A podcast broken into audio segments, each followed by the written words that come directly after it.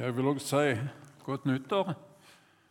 Vet ikke om du har begynt å bli vant med å si 2018. Husker I forrige århundre, når vi skrev med kulepenn, så gikk det alltid noen uker før jeg ble vant med å skrive det nye årstallet. Men nå eh, klarer jo dataen å hjelpe oss med det, så vi har ikke det samme problemet. Ellers er det stadig en setning som taler til meg. De rykker stadig lenger framover i køen. Ikke minst for jeg har en far hjemme på 97. Han står helt fremst i køen. De andre de er reist. Han er omtrent alene igjen. Men uh, heldigvis for oss som har et håp, så er denne køen leder mot forfremmelsen til herligheten. Det er en store ting som vi må minne hverandre om.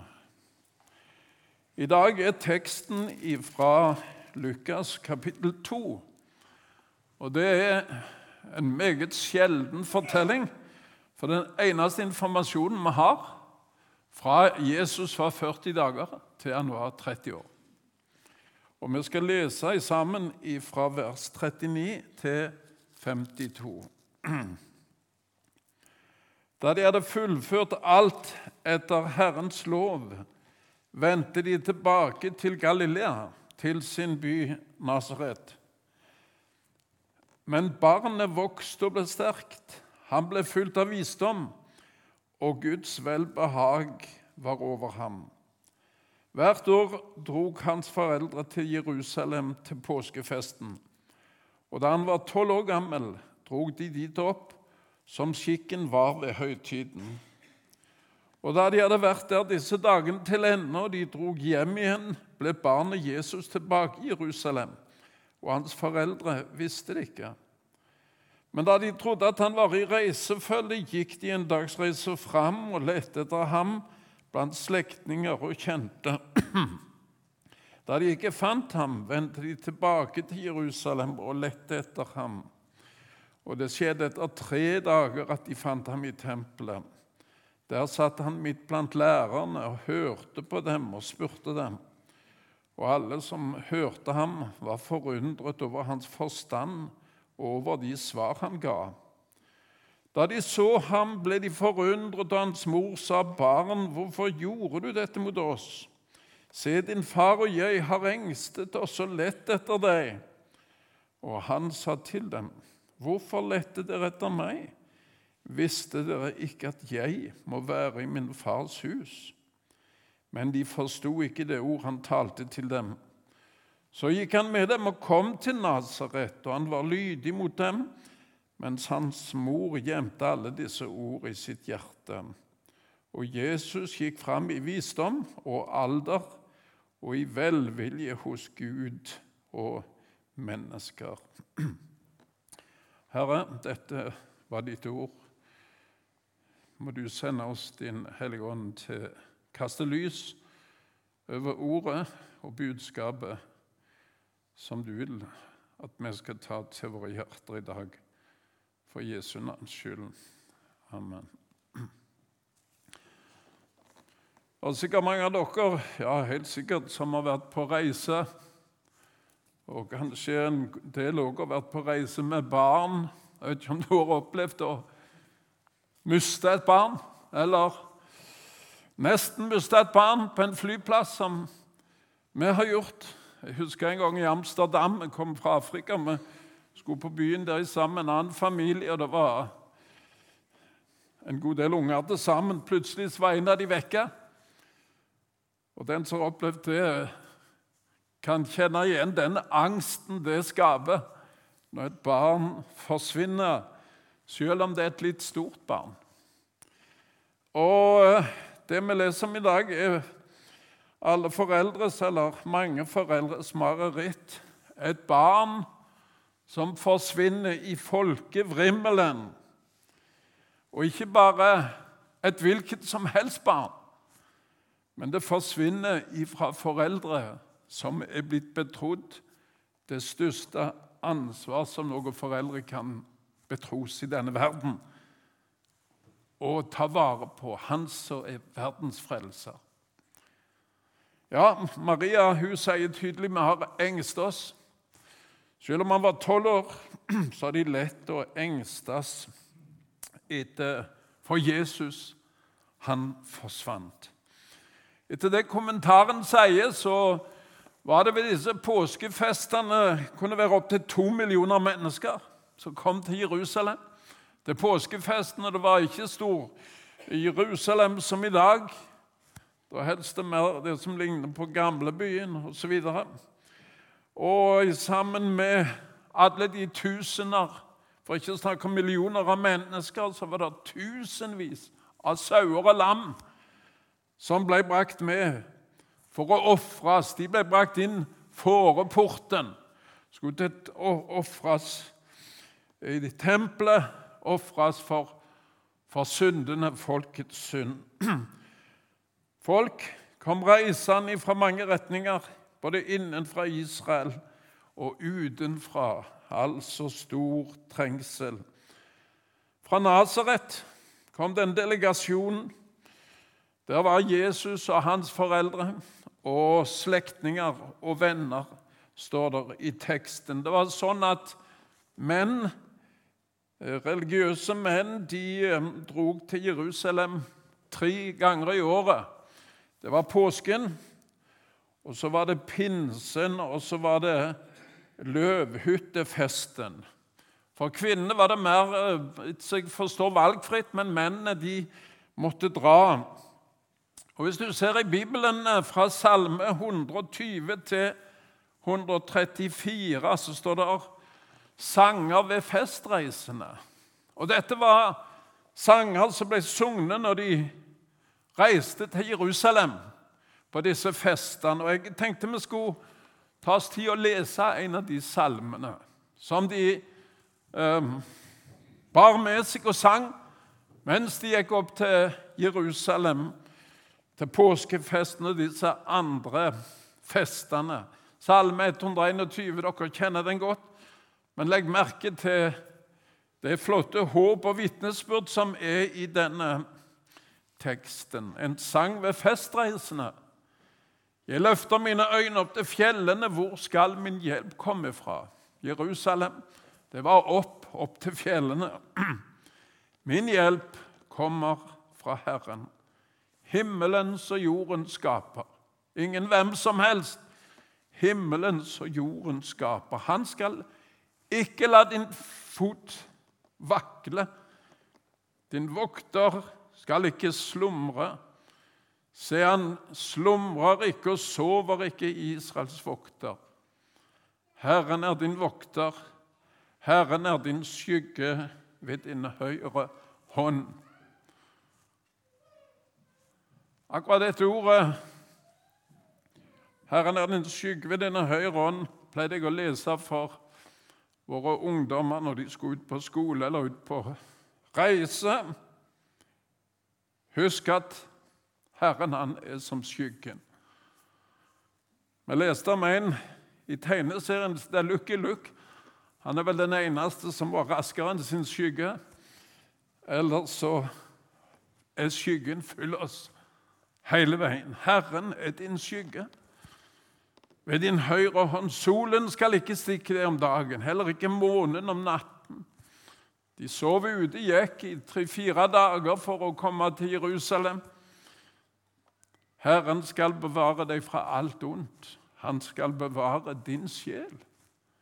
Herren skal bevare din utgang og din inngang fra nå og til evig tid. Dette sang de når de gikk opp til Jerusalem, og Jesus han var med for første gang. Han var tolv år. 13 år var alderen for bar mitzva, den jødiske konfirmasjonen. Fram til de var 13, så var foreldrene ansvarlige for um, både det religiøse liv og liksom ansvarlige for den unges gjerning. Men når de var 13, da ble de myndige. Da måtte de ta ansvaret sjøl. Og så var tolv års gamle gutter var med opp for å se hvordan det fungerte for å forberede seg til neste år. Når de liksom måtte ta valget sjøl om de skulle reise opp til Jerusalem. Og der i det commotion, eller der i dette virvaret av folk, der forsvinner altså Jesus. Denne gutten på tolv år. Før jeg går litt videre, så eh, Når det gjelder denne teksten, så, så så er altså fra vers 39 til 40 Det handler altså To vers handler om Jesu liv fra 40 dager til 12 år. Fra vers 41 til 50 er, forteller denne turen til Jerusalem. Og det er kun to vers, 51 og 52, som beskriver og forteller noe om Jesu liv ifra Um, han var tolv år til han var 30 år. Jeg tenkte før jeg går videre, at jeg skulle knekke et par myter om uh, uh, ting som er vanlig oppfatning når det gjelder eh, disse juletekstene. Ikke minst eh, dette med, som en ofte ser, om de vise menn som, som kom til stallen.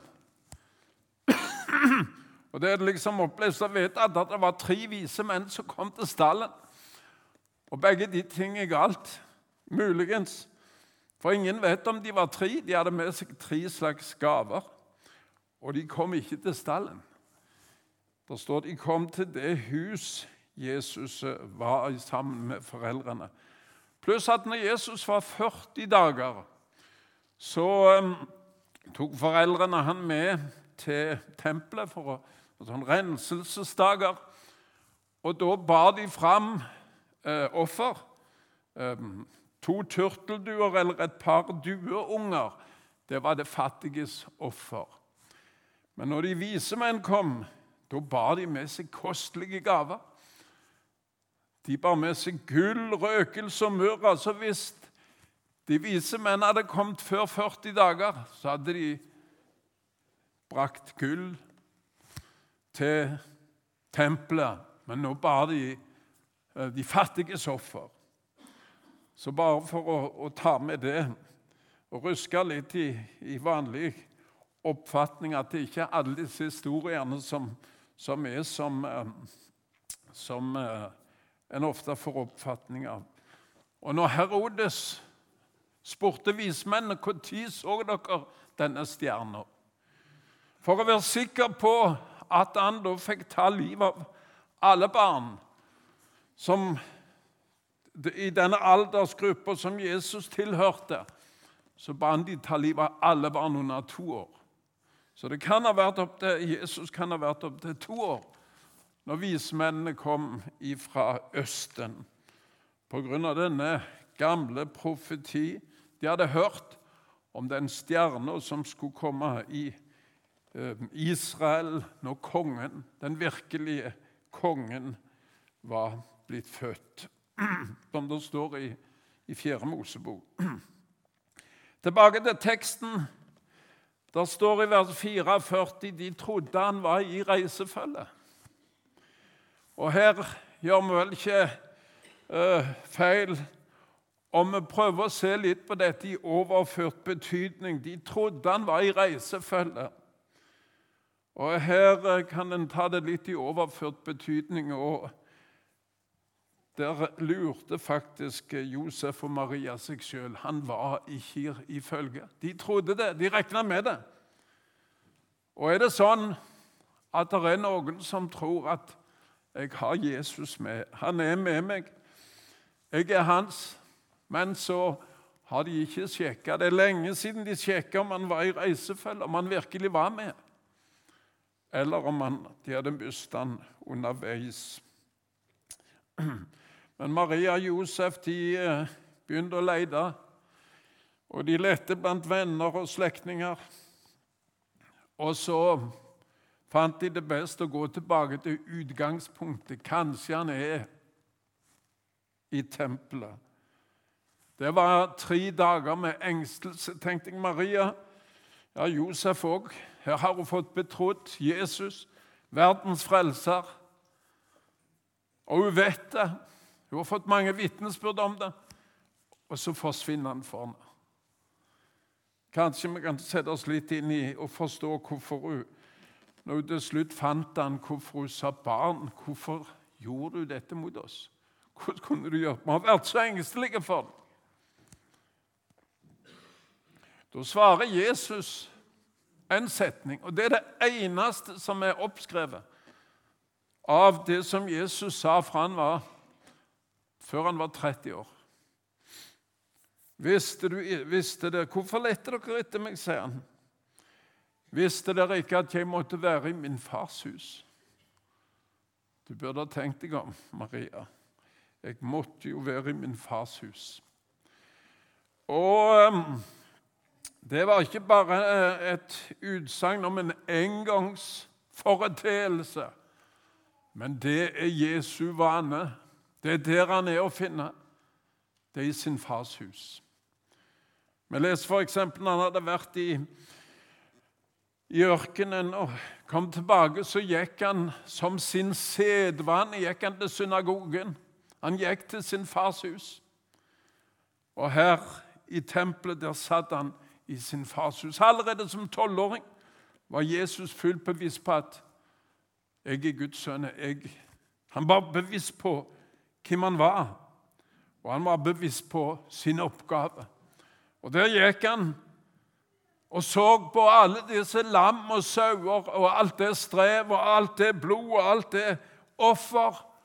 Og så visste han det at eh, det er jeg som skal bringe det fullkomne offer. Alt dette er bare i vente på min oppgave og det som jeg skal utføre. Og når Jesus døde på korset og utgjøt sitt blod, så var det ikke lenger behov for alle disse sauer og lam og alt det blod. Både okser og kalver og sauer og alt det som ble ofra. For det, hans blod, det var nok. Nå kan vi ikke forestille oss hvordan Jesus tenkte. Vi kan kanskje forestille oss hvordan en tolvåring tenkte når han gikk der, med en slags bevissthet om at alt dette bare er et forbilde på det som jeg er kommet for å gjøre, det som er min gjerning. Visste dere ikke at jeg måtte være min fars hus? Tempelet var jo hans fars hus, ja. Men det var ikke noen fullkommen bønneplass. Det var ikke et fullkomment hus. Og Det er gjerne godt å minne hverandre om at Guds hus på jord er slettes ikke en fullkommen plass. Det fins ennå ikke Jeg har vært i ganske mange menigheter. Jeg har ennå ikke vært i en fullkommen menighet. Det er helt sikkert. Til og med her, ikke her i salen. Ingen plass er fullkommen. Men der som Guds folk samles, der vil Herren være. Der vil Han være. Og det vil Han være helt ifra han begynte å bli bevisst hvem han var. Så ville han være i sin fars hus. Den skulle lese et par vers fra um, åpenbaringen som styrker akkurat dette. Åpenbaringen eh, kapittel 1 eh, Åpenbaringen er jo et budskap skrevet til syv menigheter som, et, eh, som på vegne av alle menigheter til alle tider. Så det som står her, kan vi ta til oss og appellere i vår situasjon. Og her står det Johannes får beskjed det du ser, skriv i en bok og send det til de sju menigheter. Sju er symbolsk. Det var sju menigheter. Men sju betyr òg alle og alt innbefatter. Det er Guds tall. Så det som blir sagt i åpenbaringen, er et budskap til alle menigheter, til alle tider. Så det er nevnt disse menighetene, og så sier Johannes, jeg vendte meg om for å se røsten som talte til meg. Og da jeg vendte meg, fikk jeg øye på sju lysestaker av gull. Menigheten er som lysestaker i denne verden. Og midt mellom lysestakene, altså midt mellom menighetene, midt mellom Guds folk, var det en som lignet en menneskesønn. Han var kledd i en fotsid kjortel ombundet med et gullbelte under brystet. Og så forklares det i det kapitlet Jesus hvordan han viste seg for, for uh, Johannes. Og Her var han midt mellom sine menigheter, midt mellom menigheter, midt mellom Guds folk, midt mellom det som ikke er fullkomment. Der vil Jesus gjerne være. Og Det er et stort budskap. Ikke minst å tenke på at han er her med sin ånd. Det der bers bønner, der Hans ord blir lest. Fra himmelen så er det som en lyskaster i en mørk verden. Og der er det han vil være. Der er det han vil søke sitt folk. Så Maria og Josef de måtte tilbake til Guds hus, og der fant de han. Og Kanskje det er noen her som er kommet til avstand for Jesus. Du har tenkt Selvfølgelig er han med meg, selvfølgelig har jeg han i reisefølge. Og så er du kanskje blitt bevisst på nei. Han er forsvunnet for meg. Jeg har han ikke lenger. Søk han til utgangspunktet. Kom tilbake til utgangspunktet. Kom til hans hus. Kom til hans ord. Så vil han la seg finne som han lot seg finne av sine fortvila foreldre. Her var han tolv år. Der står uh, at I siste vers der står det at uh, de forsto det ikke. Når han sa det, jeg måtte være min fars hus, så forsto de han ikke.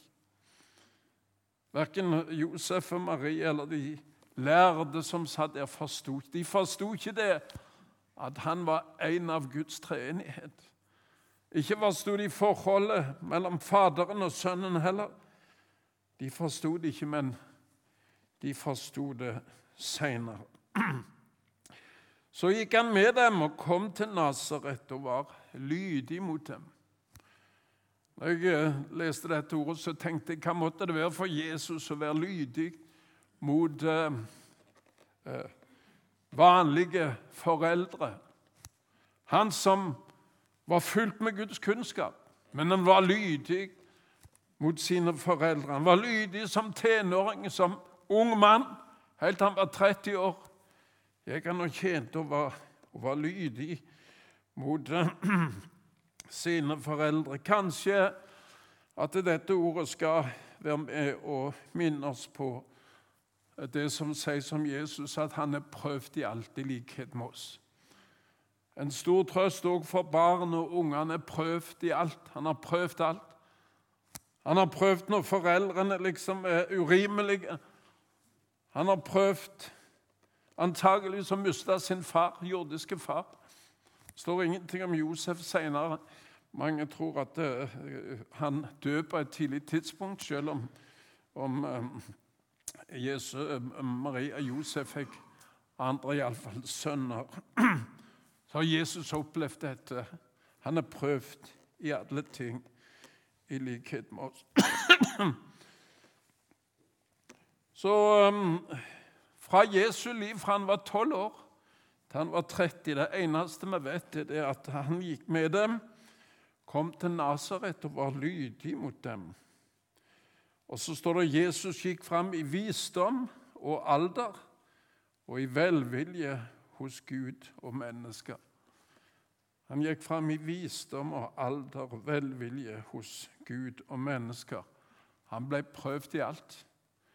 Og han ga et eksempel på hvordan det går an å leve i lydighet. Og denne lydigheten som han måtte ha mot sine foreldre, tok han med seg når han i lydighet fullførte sin gjerning. Han var lydig helt til han til korset, til korsets død.